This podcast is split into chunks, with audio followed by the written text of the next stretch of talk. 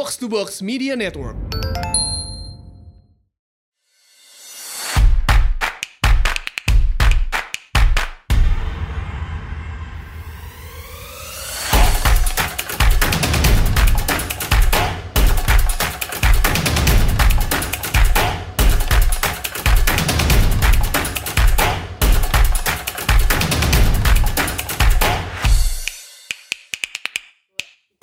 Selamat datang di Asumsi Bersuara dan kali ini kita kedatangan eh, Idris Ahmad, eh, Ketua Fraksi PSI DPRD DKI Jakarta. Welcome Idris to the podcast. Halo bro. Ya, jadi kalau ada yang mengira-ngira kita hari ini bakal bahas em, menteri-menteri baru, kagak ya. hari ini kita eh, discuss something yang berbeda lah, dikit lebih lokal gitu. Mungkin banyak dari yang dengerin orang Jakarta juga. Siap. Em, jadi dan ini lagi lagi rame sih sebenarnya. Em, Idris ini, em, lu kan PSI Jakarta nih. ya. Hmm. Nah, em, PSI Jakarta ini kan ekspektasi orang terhadap PSI itu gede banget gitu. Karena kan mungkin banyak eh, voters PSI yang berapa dua dua persen dua persenan lebih satu koma satu koma tujuh sorry Hmm. satu koma tujuh persen eh, yang milih PSI di DPR RI kan kecewa kan nggak ada nggak nggak bisa lolos parliamentary threshold gitu. Tapi PSI kan ternyata di daerah dapat nih beberapa gitu kan. Dan yang Iya. paling hype nih kan di Jakarta nih. Ya, Yang mana kebetulan ketuanya lo gitu. ketua fraksinya. Ketua fraksinya lo gitu. Em, gimana sejak kan lu udah berapa sebulan di dalam ya? Jadi dilantik tanggal 26 Hmm. Agustus. Hmm. Jadi udah sebulan lebih ya. Udah sebulan lebih gimana tuh so far? Kan orang tuh kan ekspektasinya gede banget nih kayak PSI partai yang baru, partai yang em, harusnya tidak tercemari dengan beban-beban lama segala macam dan katanya bisa di apa ya bisa dievaluasi via apps katanya itu mana tuh semua udah jadi belum? Ya jadi kalau sekarang sih kondisinya sebulan lebih ya. Hmm. Sebulan lebih kita udah mulai ya punya jabatan lah jadi anggota Hmm. DPRD. Hmm. Yang udah kita lakuin sih beberapa hal sih. Hmm. Pertama kita bangun satu mekanisme pengaduan Hmm. di fraksi kita. Jadi setiap jam 8 sampai jam 10 pagi kita secara bergantian anggota dewannya langsung standby untuk menerima aduan dari masyarakat. Jam 8 sampai jam 10 pagi. oh dua jam pagi setiap hari ya? Ah, di setiap harinya karena biasanya kalau udah di atas jam 10 itu udah mulai rapat-rapat tuh. Hmm, oke. Gitu. Itu satu. Terus kedua eh, kita dari PSI udah mulai eh, sebenarnya paling se- sederhana adalah kita mulai kegiatan DPRD itu dengan tepat waktu sih. Jadi Mhm. buat kitanya sendiri. Oke. Gitu. Emang sebelumnya orang lain enggak gitu? Sebenarnya masih banyak budaya di DPRD beberapa rapat itu kebanyakan dimulai tidak tepat waktu. Oh gitu, oke. gitu. Nah, tapi kami dari PSI karena prinsipnya nih anak-anak PSI kan 8 kursi. Hmm. Prinsip kami kami harus buat standar baru lah. Ya. Standar baru di DPRD. Itu tuh sih beberapa hal yang menarik sih di beberapa awal kita menjalankan proses di DPRD gitu. Hmm. Walaupun sebenarnya kan ini juga baru nih. Kalau kerja sebenarnya baru karena pimpinan DPRD juga baru beberapa minggu yang lalu. Terus komisi-komisi Hmm. dan badan juga baru ditetapkan kayak gitu. Oh jadi dari dilantik sampai sekarang tuh sebenarnya DPRD DKI ini belum terlalu ada apa-apa lah ya sampai ada Hmm. sampai komisinya udah Sebenarnya clear belum gitu. karena komisi ini kan sebenarnya alat kelengkapan. Beberapa pembahasan tidak bisa Hmm. dijalankan kalau alat kelengkapan dewannya itu belum ditetapkan kayak gitu. Oke oke. Nah sekarang kan lu udah ada di da- udah ada di dalam nih ya. Hmm. Ah, by the way buat yang pasti banyak yang belum tahu juga. Jadi Idris ini sebelumnya adalah staff staff Ya, Pak. BTP ya. Ah, Waktu waktu dia waktu belum menjadi gubernur kan. ya, ya. Dan, seka- dan pasti lu dulu banyak berantem sama DPRD juga. Gue sih enggak. Oh lu nggak? kan belakang layar. Oh lu nggak? Nggak. Tapi sementara sekarang lu berada di DPRD-nya gitu. Hmm. Apa yang beda sih? Ya, yang beda pertama gue jadi orang yang di depan layarnya. Hmm. Itu pertama. Jadi Oke. sekarang yang benar-benar menghadapi langsung realita dan kedua adalah memang kan kalau dulu di sisi eksekutif, kalau eksekutif kan sebenarnya lebih kayak eksekutor. Hmm. Nah, sekarang tuh legislatif nih dan juga punya fungsi pengawasan, anggaran dan juga nanti legislatif. Jadi menurut gua eh, cara pandang terhadap masalahnya tuh lebih lebih beda sih dengan tiga fungsi itu. Jadi tidak hanya berpikir terhadap eksekusinya, tapi juga berpikir pengawasannya, terus penganggarannya dan yang paling penting yang paling khas kan sebenarnya pembuatan peraturan daerah Hmm. kayak gitu. Udah- Walaupun ini belum dijalanin. semua ini sebenarnya eh, maksudnya bagian-bagian ini banyak yang belum di belum Belum belum jalan. jalan, karena emang baru baru sebulan gitu ya. Em, apa maksud gue dari waktu lu di luar nih kan lu udah ya mungkin dari dari apa yang lu bayangkan lu bisa Hmm. lakukan gitu. Sementara sekarang lu udah ada di Hmm. udah ada di dalam nih PSI Hmm. em, sesuai ekspektasi gak sih? Maksudnya kayak maksud gue sesuai ekspektasi adalah oh iya gue bisa nih lakuin semua yang yang lu janjiin sebelumnya atau kayak wah ternyata berat juga nih ternyata ternyata lu harus hurdle-nya lebih banyak lah di dalam gitu ada gak kayak gitu Ya pasti sih. Jadi pertama yang paling sudah diekspektasi bahwa kita memulai sesuatu itu pasti mulainya dari fraksi kita sendiri. hmm. Kayak gitu. Jadi kayak kita mulai standar baru eh, pengaduan masyarakat, terus juga tepat waktu. Itu kita belum bisa langsung mempengaruhi semuanya tuh. Hmm. Karena kan memang walaupun kita datang tepat waktu misalnya, tapi rapat itu belum tentu dimulai tepat waktu. Iya. Karena kan pasti menunggu yang lainnya kayak gitu. Nah, itu siapa yang dirasain sebenarnya memang masih perlu proses sih untuk membangun budaya barunya. Hmm. Tapi kalau ekspektasi sih sejauh ini buat gue pribadi eh ya masih sangat ekspektasi sih karena gue pernah lihat kinerja DPRD-nya juga kayak gitu ya masih sama dan masih kebayang gitu. Kalau gue banyak melihat beberapa beberapa waktu belakangan ini Hmm. PSI Jakarta nih banyak membuat keributan yang gue nggak yakin substansinya sebesar itu gitu. Kayak misalnya contoh ya, nggak apa-apa ya. Kayak misalnya contoh yang diributin eh, pin emas, Mm-mm. terus pin emas yang di di Jaslo itu ya. Iya, iya, iya. Ya katanya kayak pemborosan anggaran lah, rumah dinas juga Hmm. renovasi rumah dinas. Kayak padahal hal-hal kayak gitu kan kayak nggak gitu mahal gitu sebenarnya maksud gue kenapa yang yang kenapa difokuskan malah ke hal-hal Hmm. kayak gitu antivirus kemarin ya Iya, iya, iya. antivirus juga Antivirus berapa sih 12 m 12 M. 12 m padahal kan waktu itu juga ada yang ada yang ngecek lagi oh ya emang jumlah komputernya segitu ya emang Hmm. wajar angka segitu maksud gue kenapa yang kayak gini-gini yang di yang di blow up gitu Jadi pertama kalau misalnya kayak terkait pin emas, sebenarnya Hmm. pin emas itu pesan yang ingin kami sampaikan ke masyarakat bahwa kita kan punya semangat misalnya anti korupsi dan sebagainya. Salah satu akarnya adalah bagaimana kita bisa menggunakan APBD yang di mana itu uang rakyat bukan Hmm. uang gue nih. Hmm. Kalau beli pin pin jenis apa pun pakai Iya. uang gue pribadi sih santai-santai aja gitu. Nah tapi yang jadi masalah kan adalah ini dibeli pakai uang rakyat Hmm. itu satu. Nah, kenapa kita mempermasalahkan pin emas? Sebenarnya kalau secara jumlah misalnya jumlahnya kan tidak mencapai hampir satu miliar lah, iya ya kan. Tapi yang jadi penting perlu disadari oleh masyarakat satu rupiah dalam APBD itu beda maknanya sama satu rupiah yang kita punya uang pribadi. Hmm. Itu harus ada pertanggungjawabannya. Nah, kita ingin memberikan pesan kepada masyarakat bahwa kami siap nih. Jangankan uang yang 85T gitu misalnya anggaran keseluruhannya tapi satu miliar pun kami komit komitmen untuk menjaga anggaran tersebut gitu Hmm. sih itu pesannya kalau yang pin emas terus kalau yang anggaran-anggaran lain sebenarnya ini adalah bagian dari kami ingin menyampaikan ke masyarakat karena hari ini kan dokumen perencanaan penganggaran 2020 belum diunggah nih di websitenya APBD oke gitu. Nah, jadi itu tuh bagian-bagian kecil yang mana sebenarnya kami berharap eh, Pemprov DKI eksekutif itu mengunggah itu. Akhirnya masalah-masalah yang tadi itu kan sebenarnya cuma seperti gunung es aja Hmm. di permukaan. Banyak yang lainnya. Nah, tapi karena anggaran kita banyak dan kita ingin membangun partisipasi masyarakat, ya yuk sama-sama kita kawal itu semua gitu. Jadi belum belum diunggah nih maksudnya di website yang apbd. ya apbd.jakarta.go.id. Jadi sebenarnya sebagai informasi awalan, Hmm. sebenarnya website yang dulu dikenal dengan istilah e-budgeting e-budgeting e-budgeting itu di Jakarta tuh websitenya apbd.jakarta.go.id Hmm. di mana kalau kita buka sebenarnya dari tahun 2016, 2017, 2018, 2019 tuh ada nah sekarang 2020 yang sudah dokumennya masuk nih KUPPAS namanya itu belum ada belum diunggah di website tersebut gitu emang harusnya dari sekarang udah diunggah ya harusnya diunggah karena kalau menurut kami pandangan kami adalah partisipasi masyarakat itu bukan ketika barangnya udah jadi Hmm. tapi dari awal dari prosesnya masyarakat bisa memberi masukan.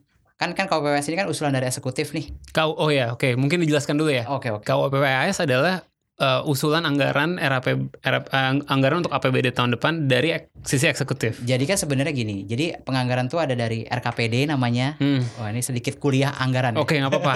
Justru biar orang tahu gitu kayak apa sih Iya. sebenarnya di dalam gitu. Jadi kan kalau ada namanya RKPD Rencana Kerja Pemerintah Daerah, Hmm. terus juga ada KUAPPAS. Nah, Iya. KUAPPAS ini kan prosesnya adalah usulannya dari eksekutif dulu. Iya. Nanti dokumen itu dibahas bersama eh, legislatif Iya. atau sama badan anggaran. Nah, di situ baru setelah KUPPAS hasil pembahasan dengan Banggar itu ya kan atau sama DPRD jadi dokumen selanjutnya akan jadi RAPBD. Iya. RAPBD ini yang diajukan ke Kemendagri dan akhirnya jadi APBD. Oke. Nah, ini kan ada setiap proses pembahasan nih. Hmm. Nah, kenapa setiap tahapan harus dipublikasikan? Karena di setiap pembahasan itu menjadi penting untuk kita tahu prosesnya. Hmm. Apa aja sih yang menambah, apa aja yang berkurang. Atau di fase misalnya KUPPS yang usulan eksekutif, apa sih yang perlu dikritisi sehingga nanti pas kami dibahas di Banggar atau di DPRD punya masukan dari masyarakat. Nah, ekosistem ini sebenarnya yang kami bangun karena transparansi ini bukan hanya keterbukaan ujungnya, tapi adalah ujung yang ingin kami sampaikan dan ingin kami perjuangkan adalah partisipasi masyarakat. Karena ini uangnya mereka gitu. Sebenarnya em, itu kan dimulai kayak gitu dari zaman Pak BTP ya.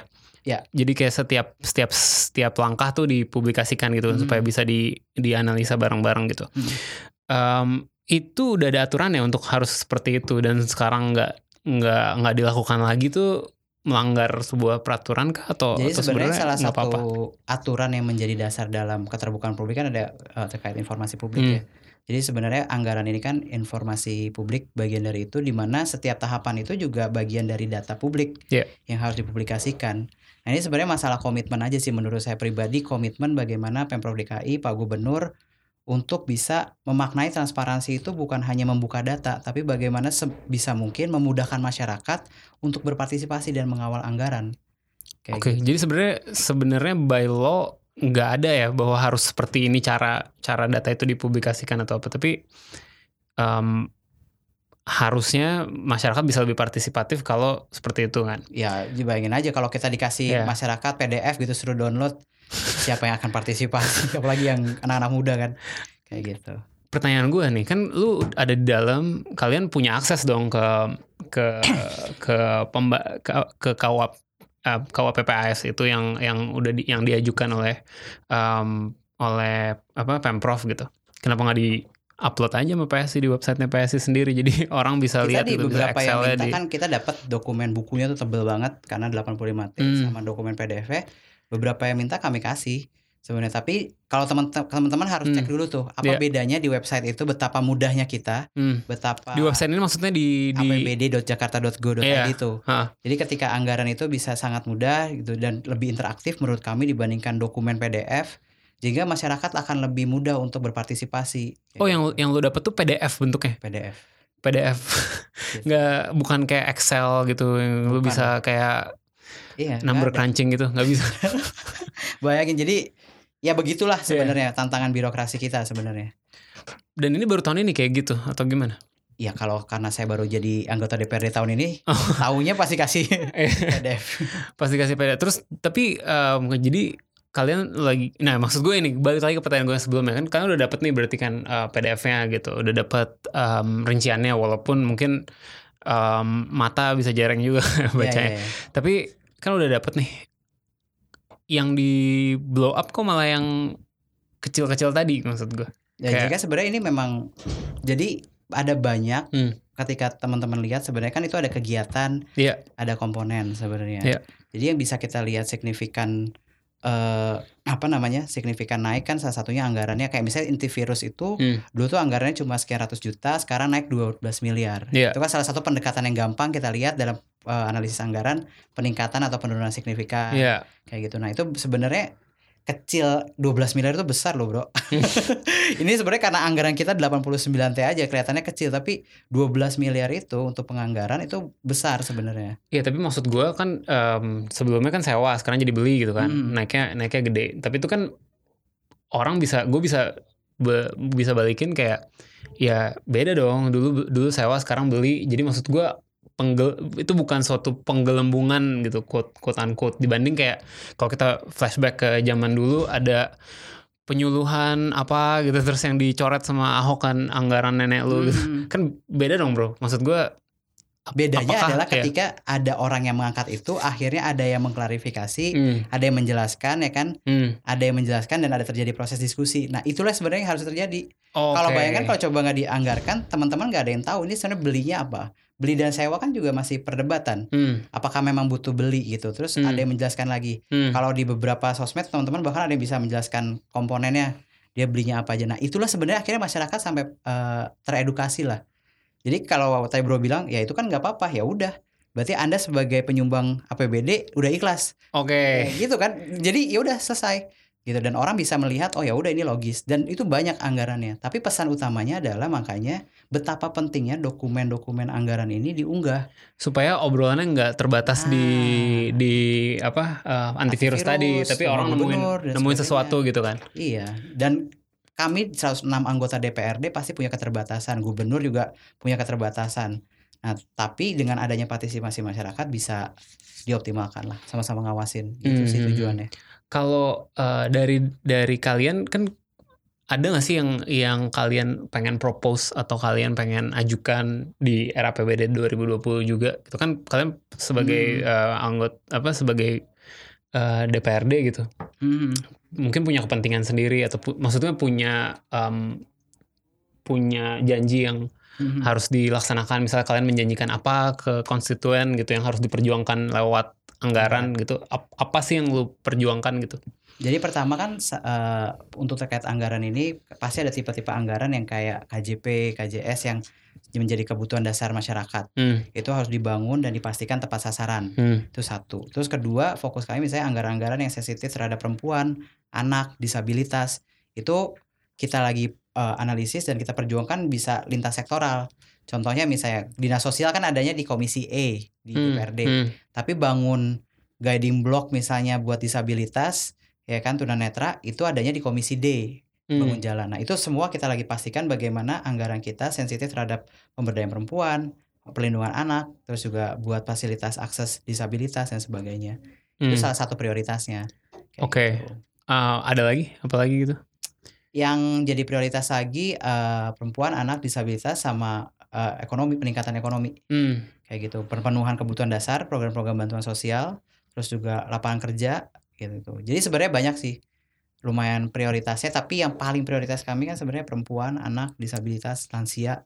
terus di antara itu apa yang belum menjadi prior- prioritasnya pemprov juga kalau kalau yang kalian udah lihat di di anggaran gitu Jadi eh, kalau misalnya yang lagi kita evaluasi adalah tepat sasaran. Jadi kita Hmm. memastikan eh, program-program itu benar-benar tepat sasaran gitu. Karena kalau misalnya kami turun misalnya oh ada ibu yang dapat, ada ibu yang nggak dapat hmm, kayak gitu. Nah, itu yang lagi kita evaluasi dan pastikan tepat sasaran. Karena DKI ini sebenarnya program pemenuhan hak dasarnya udah lumayan banyak nih. hmm. Kayak KJP, Kartu Jakarta Lansia, ada kartu disabilitas juga. Nah, tapi tantangan terbesarnya ke depannya adalah tepat sasaran. Jadi kebocorannya semakin sedikit lah. I see. Gitu. Oke oke. Eh, Dris, kan eh, Pak Anies nih udah dua tahun nih, Mhm. pas dua tahun dan dan tadi ba- balik lagi em, dari Samara ya yang bilang kalian akan jadi oposisi gitu di Mhm. di DKI gitu. Mungkin lu bisa memberikan apa ya kayak report card untuk Pak Anies. Em, kalau dari kalian melihatnya seperti apa apa yang bagus apa yang bagus yang harus diakui gitu Mhm. oleh PSI sendiri dan apa yang ma yang tentunya yang kalian sayangkan atau yang kalian rasa ini Hmm. nggak nggak nggak bagus gitu. Yang bagus adalah banyak program-program yang memang bagus di pemerintahan sebelumnya dilanjutkan. Hmm. Misalnya kayak revitalisasi trotoar, Hmm. terus pembangunan taman, pengejaran RTH. Itu kan sebenarnya udah prioritas dari terus transportasi, Hmm. perbaikan transportasi publik. Ini tetap dilanjutkan. MRT kita udah mau masuk tahap 2 Hmm. kayak gitu. Terus LRT juga akan didorong buat tahap 2, terus bus. Itu kan sebenarnya eh, proses panjang dari visi zaman dulu nih pemerintah-pemerintah sebelumnya yang akhirnya terus dilanjutkan. Itu sih beberapa catatan yang menurut saya eh, tetap baik lah ya dalam usaha meningkatkan eh, aksesibilitas mobilitas masyarakat, terus juga eh, trotoar ya kan, revitalisasi trotoar bagaimana fasilitas-fasilitas kota itu benar-benar nyaman dan sebagainya itu tetap dilanjutkan gitu. Tapi catatan yang pentingnya adalah ada beberapa janji kampanye Pak Anies kayak misalnya pemenuhan hak rumah yang DP 0 itu itu menurut saya perlu dikritisi. Kenapa? Karena satu dari jumlah targetnya itu masih sangat kurang untuk memenuhi backlog perumahan. Kedua adalah misalnya eh, OKOC ya kan yang sekarang mungkin namanya saya juga nggak tahu nih udah nggak bergema Hmm. lagi nih OKOC tapi pada prinsipnya kan Masih jalan itu kemarin. ya kan, pemenuhan hak eh, apa namanya untuk Iya. eh, usaha. Hmm. Nah, tapi kan pencapaian targetnya tidak sesuai dengan apa yang direncanakan dari awal, misalnya 40 ribu ya kan di setiap tahunnya dan sebagainya kayak gitu. Terus eh, DP 0%, eh, OKOC sama ini banjir, penanganan banjir Hmm, oke, ini menarik nih. gitu. Jadi kan Hmm. sebenarnya konsepnya Pak Anies ini ada normalisasi atau eh, naturalisasi, sorry, naturalisasi namanya kan.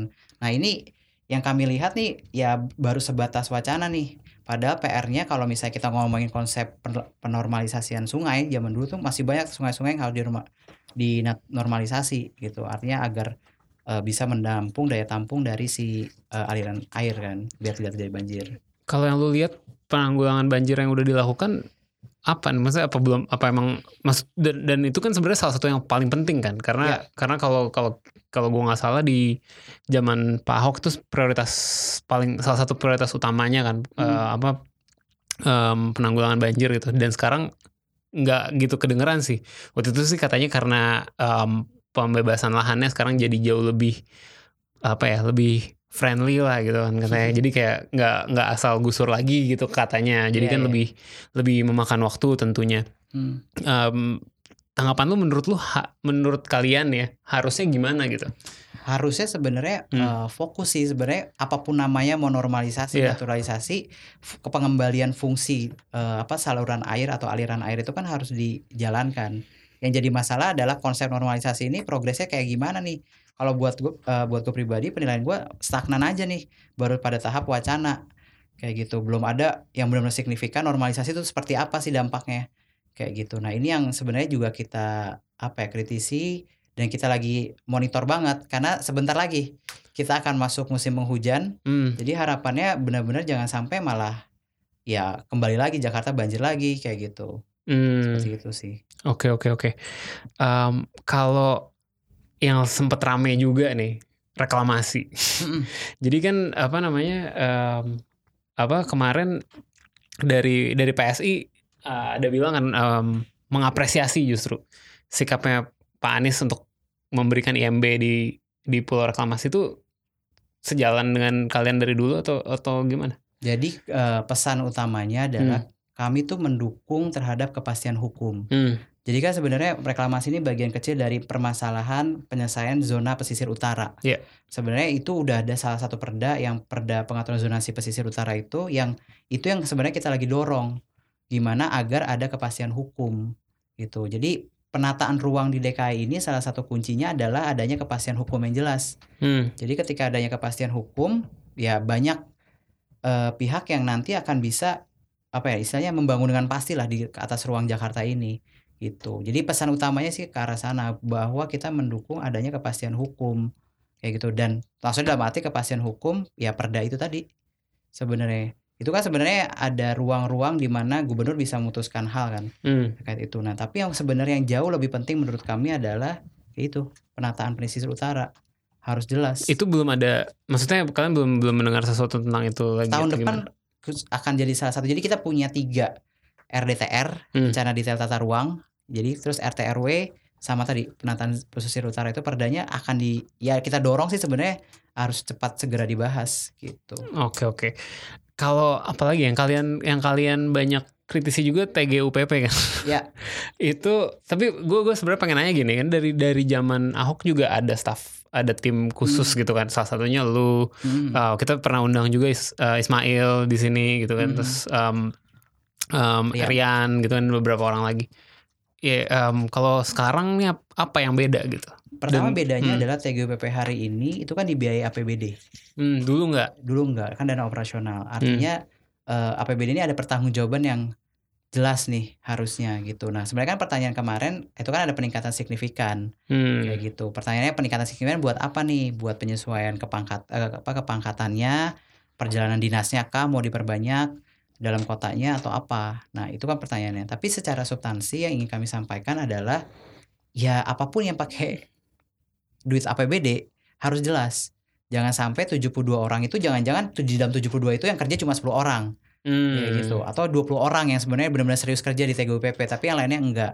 Nah makanya harus kita kita evaluasi itu. Kita awasi implementasinya kayak gimana. Makanya kita kritisi peningkatannya itu. Kayak gitu. Hmm, oke oke oke. Jadi lebih karena sekarang via APBD jadi harus benar-benar dikritisi. Emang kalau nggak dengan APBD dengan dana operasional dana, dana operasional, kan pertanggung jawabannya dari gubernur langsung kayak gitu itu si gubernur tuh punya hak untuk menggunakan jadi agak ada bedanya kan di bawah kom- Bapeda kan hmm, Jadi ada Bapeda, ada targetnya, ada jadi ada berapa dokumen kebijakan yang harus dihasilkan. Kayak gitu terukur kan mereka sebenarnya ketika ada KPI-nya itu. Iya, harusnya. Dan, itu belum belum lu belum lihat hasilnya Iya. gitu. kayak gitu. Oke oke. Em, tentang Wagub, Kang Wagub. wah gue nanya segala hal nih, segala yang bisa ditanya nih Iya, tentang. Gue firing question saja. Eh, tentang Wagub gimana sih? Kok sampai sekarang belum ada Wagub juga? Gue pengen tahu sih. Ada insight in- insight story-nya apa sih em, di DPRD itu? Jadi Atau di- pertama yang hmm. paling penting ketahui bahwa Wagub ini kalau dari PSI sikapnya mendorong agar cepat di eh, apa namanya diputuskan lah. Hmm. Tapi yang jadi penting yang perlu diketahui sama teman-teman semua yang untuk urusan namanya yang harus sepakat tuh dua partai pengusung. Oke, ini belum sepakat. Ya artinya kalau belum selesai kan belum ada yang sepakatan kayak gitu. Nah sekarang sebenarnya prosesnya kalau secara proses kan harus ada eh, rapat pimpinan gabungannya untuk memutuskan dan kita juga nggak tahu nih namanya berubah atau enggak kita juga belum dengar-dengar sih di dalam kayak gitu. Tapi memang ini jadi salah satu prioritas DPRD Hmm. kerja DPRD itu udah kita di internal kita udah bahas tuh. Eh, udah semuanya udah sepakat bahwa salah satunya pasti APBD anggaran di tahun ini sama Wagub DKI kayak gitu. Hmm, oke oke oke. Eh, eh, Dris, by the way, nanti tuh 2022 itu pemilu lagi atau enggak sih? Jadinya eh, karena itu ada belum. ada rancu kan nih katanya katanya 2022 katanya pemilihan gubernur tuh nanti bakal bakal Ditarik serentak semua. kan. serentak gitu kan. Jadi jadi 2022 nggak ada gubernur lagi apa gimana? Itu salah satu skemanya. Hmm. Jadi kan sebenarnya ini belum diputusin Iya. sama eh, DPR RI kan karena kewenangannya di undang-undang Hmm. pemilunya. Tapi kalau pakai undang-undang pemilu terakhir kalau saya tidak kalau gua nggak salah itu masih 2022 kalau nggak berubah.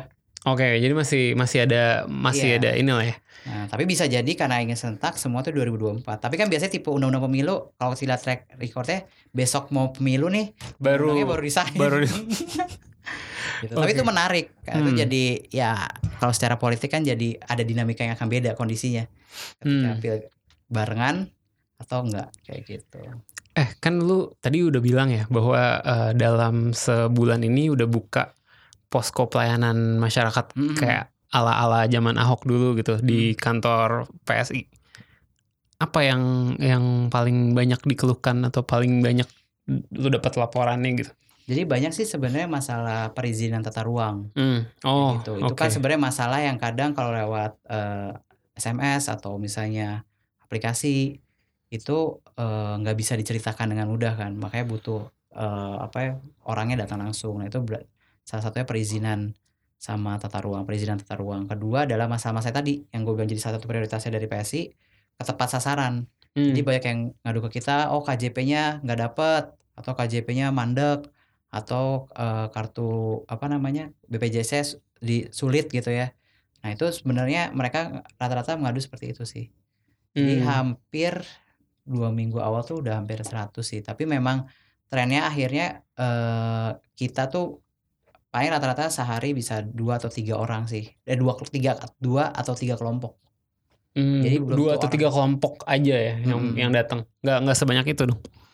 Ya ba- ba- masalahnya banyak. Oh, orangnya kelompoknya banyak. yang datangnya cuma dikit tapi misalnya satu masalah misalnya masalah apartemen Hmm. yang ngadu ke sini cuma dua orang tapi masyarakat yang punya masalah itu ternyata 300 orang di belakangnya Nah, gue mau nanya gini sebenarnya. Mm. Kalau zaman Ahok Ahok dulu, dia adalah yang eksekutifnya. Jadi ketika orang datang ke dia dengan masalah dan dia dia punya kapasitas untuk menyelesaikannya gitu. Mm. Tapi kalau orang datang ke DPRD ke salah satu anggota DPRD, salah satu partai di DPRD itu apa kelanjutannya gitu? Emang bisa bisa bisa ngapain kalian gitu? ya bisa dong kan kita punya fungsi pengawasan Hmm. ya kan punya eh, kita juga representatif kan aspiratif eh, punya fungsi Mhm. jadi jembatan aspirasi Hmm. artinya apa kan berarti artinya ada program pemerintah yang harusnya berjalan tapi tidak dijalankan Hmm. nah kita masuk dengan fungsi pengawasan kita cuma bedanya memang yang menyelesaikan kita tetap eh, apa ya menindaklanjutinya ke SKPD-nya Hmm. Kalau kalau gubernur kan langsung bisa ke menyelesaikan masalahnya kan. Hmm. Nah, kalau kita sebenarnya mendampingi kasus ini atau aduan ini ke SKPD dalam fungsi pengawasan tadi salah satunya agar masalah itu sampai selesai. Jadi lebih ke advokasi aja sebenarnya. Kayak Belum tentu akan diselesaikan juga berarti sama si Tapi pasti diselesaikan. pasti. Karena kan itu memang sebut proses sebagai mitra kerja kan. Hmm. Check and balance system sebenarnya di situ kan. gue ada pertanyaan lagi nih kayak em, waktu em, apa lebih lebih kayak gini sih em, kalau kayak pelayanan publik Mm-mm. em, kan sekarang ada mau pelayanan publik lah terus kayak di di kantor kecamatan kantor Hmm. kelurahan gitu em, kalian ada mengevaluasi itu juga nggak kayak seberapa baik pel- pelayanan di di pela- pelayanan publik lah untuk ngurus IMB ngurus KTP ngurus apa gitu Sebenarnya banyak aduan masuk ke kami nih sebenarnya masalah KTP KTP salah satunya. Hmm. Jadi lama gitu. Tapi kan ini masalah yang saling terkait dengan masalah kebijakan pusat juga kan. hmm ya mana ada belangko dan sebagainya Iya. kemarin juga kan Hmm. karena habis pemilu banyak banget yang benar-benar apa membuat iktp Iya. kan, kayak gitu itu sebenarnya banyak jadi eh, kalau ditanya apakah jadi pengawasan kita kita beberapa teman-teman itu berusukan juga ke kelurahan cek ke PTSP-nya Hmm. kayak gitu. Nah tapi memang secara research dalam arti sistematis yang menyeluruh belum. Tapi maksud lu, maksud gua em, l- ada lebih buruk kah atau lebih ba- atau baik-baik aja nggak ada perubahan atau gimana? Dari Kalau sebelumnya ya sebenarnya agak eh, kasus juga ya, ada beberapa Hmm. kasus yang sebenarnya masih ada yang mengeluhkan misalnya pelayanannya kok jadi lebih lambat, itu ada. Tapi kan ini nggak di beberapa tempat. nggak gitu. nggak bisa disimpulkan gitu ya? Ah, ah, makanya saya gue bilang tadi kan gua nggak bikin riset yang benar-benar menyeluruh Hmm. dan akhirnya bisa menyimpulkan satu. Tapi kalau keluhan kasus-kasus per kasus ada yang Hmm. udah mengeluhkan birokrasi lambat, terus birokrasi misalnya mulai eh, apa namanya pungli itu ada. Oh pungli udah mulai ada lagi. Ah, kayak gitu. Jadi hal kayak gitu sih kita udah coba eh, koordinasi juga kayak gitu. Hmm. Ini deh terakhir deh. Em, kalau sekarang tuh misalnya orang mau ngadu em, di jalan jalan bolong lah apa segala itu gimana sih? Sebenarnya kan kita punya 12 eh, kalau saya tadi ada 12 kanal ya Hmm. di Twitter terus juga di sosmed di @dki Jakarta itu. Hmm. Itu sebenarnya kan bisa di-mention aja kayak gitu, di-mention terus SMS gubernur, clue dan sebagainya. Itu bisa Itu masih jalan ya? masih jalan. Nah, tapi kan memang perlu kita hadir PSI itu satu untuk mengawal proses itu tetap berjalan dan proses itu sampai tuntas. Hmm. Jadi ada kadang sebenarnya kunci keberhasilan dalam pengelolaan aduan itu kan ketuntasan. Gitu, ditangani ditangani tapi tuntas nggak Iya. gitu. Nah, makanya kita buka ruang pengaduan. itu ngelihatnya di ng- ng- ngawalnya di mana tuh kayak ini bar apa laporan gue jadi udah diberesin atau belum gitu. Kalau dulu kan di clue ya. Hmm. Nah, Sekarang kan sekarang terintegrasi di namanya di CRM, hmm, misalnya di pengaduan warga tuh biasanya kan nanti ada tuh dikasih nomor referensi Iya. aduannya itu bisa dicek. itu itu menurut lo masih berjalan dengan baik. Masih berjalan, nah tapi kita membuka ruang nih dari Hmm. fraksi PSI Hmm. teman-teman kalau merasa permasalahan lambat ditangani terus tidak tuntas, nah itulah gunanya kami sebenarnya salah satunya. Hmm. gitu. Jadi sebenarnya ini kayak menjalankan benar-benar proses check and balances kerja antara legislatif dan eksekutif sih. Oke oke.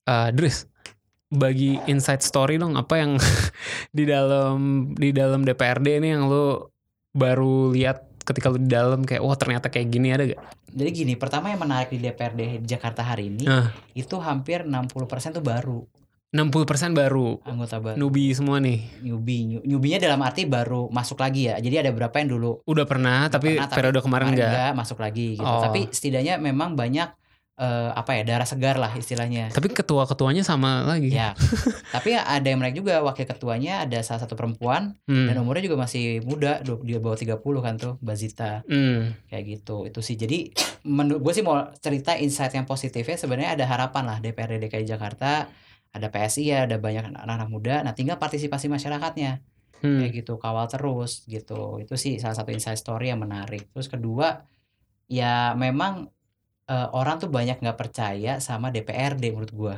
DPR, ya parlemen di mana-mana begitu ya. gitu banyak yang nggak Iya. dipercaya. Nah makanya menurut gua eh, PSI ini hadir menurut gua ya. Ya menurut gua PSI hadir tuh turun ke lapangan setelah ke- pemilih turun lagi. Terus juga kita menyebarkan nomor telepon. Tadi kalau lu tanya apps-nya ada apa enggak? Nah iya tuh mana tuh? sebenarnya kita ada sekarang masih basisnya web. Oh masih masih oke. jadi ada di app.psi.id itu bisa bisa lihat jadwal jadi salah satu perubahan juga nih yang insight menarik yang buat kami lakukan di PSI adalah kita setiap rutin tiap pagi, eh, tiap pagi kita share jadwal kita mau ngapain hari ini Yang di. Twitter ya, yang di Ya, Twitter lo suka nge-share. di sosial media tuh Hmm. kita pasti nge- eh, nge-share terus by, by websitenya juga kita seperti itu laporannya terus yang paling penting di website itu tadi yang di app.psi.id itu itu kita bisa chat langsung anggota dewannya Itu yang jawab siapa tuh? anggota dewan ya Anggota dewan. itu nomor anggota dewan ya Lu punya waktu buat ngebalesin ya harus di WhatsApp? luang Harus doang. Oke. bukan admin ya, bukan. ya Dijawab kita admin. sebenarnya itu komitmennya sih Hmm. kita lagi mendidik eh, anggota dewan kita dan memastikan terus di Jakarta agar eh, hal-hal yang berhubungan dengan konstituen kita sebisa mungkin kita yang menangani Hmm. kalau udah overload banget kita bangun sistem lah Hmm. kayak gitu tapi kan sejauh ini masih masih inilah masih tertangani Kalau udah overload tuh good problem ya. Artinya orang bener-bener ya ini ya, bener-bener mau partisipasi gitu. Iya, Terus Sekarang belum nih jadinya. ya belum lah masih dua bulan kita makanya mengajak lah, berpartisipasi masyarakat kita ada harapan baru ada semangat baru Wis. ya promosi ya. Promosi wah gue harusnya dibayar. eh Dris, eh, ada lagi nggak hal yang lu pengen sampein ke yang lagi dengerin asumsi ini? em, apa em, tentang apa pun lah. Jadi pertama mungkin yang gue bisa sampai di eh, asumsi kali ini adalah eh, sekarang tuh zaman udah berubah Hmm. menurut gue. Jadi persepsi masa lalu tentang legislatif tuh sebenarnya udah banyak orang yang concern untuk merubahnya. Gitu kehadiran PSI salah satunya itu. Nah tapi yang perlu bisa mempercepat proses itu partisipasi masyarakat. Hmm. Kayak gitu teman-teman kalau punya masukan ya hubungin anggota dewannya.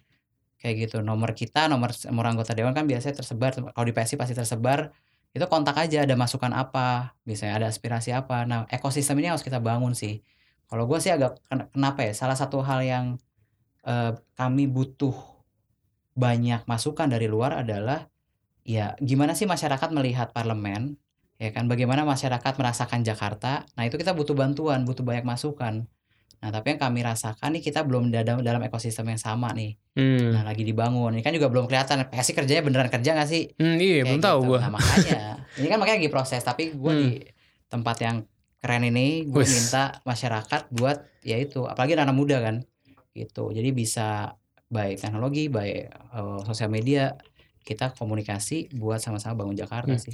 Way di di Twitter dan Instagram lu nomor WhatsApp di ditulis ya. Jadi kalau ada yang mau langsung WhatsApp lu tinggal WhatsApp aja gitu ya. Iya. Dan itu lu sendiri yang jawab, bener. Ini coba aja kita coba.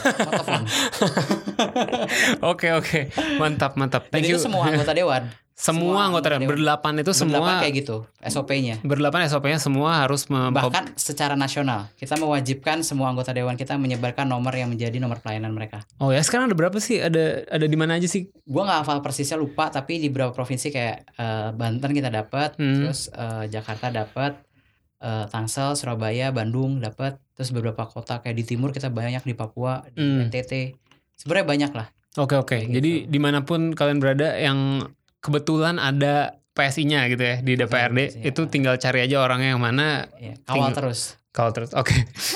Oke, sip. dipepet terus Dipepet terus selama lima tahun ke depan ya. iyalah harus Oke. Thank you banget eh, Dris Wah, buat you banget. waktunya udah datang ke sini dan terhormat bisa ada di sini sorry nih kalau gue banyak banget bertanya nih dari tadi banyak banget eh, apa eh, hal yang membuat gue bertanya-tanya tentang PS ini di Jakarta kayak gimana sih sebenarnya gitu. Oke, thank you banget eh, udah datang ke sini. Thank you banget semua yang udah dengerin atau nonton. Eh, jangan lupa follow Asumsiko, follow Box to Box ID, follow Idris Ahmad 01 ya. Idris Ahmad satu Idris Ahmad Idris Ahmad satu Idris.ahmad 1 di Instagram dan Twitter ya. ya Oke, sampai jumpa lagi di hari Selasa depan. Ciao.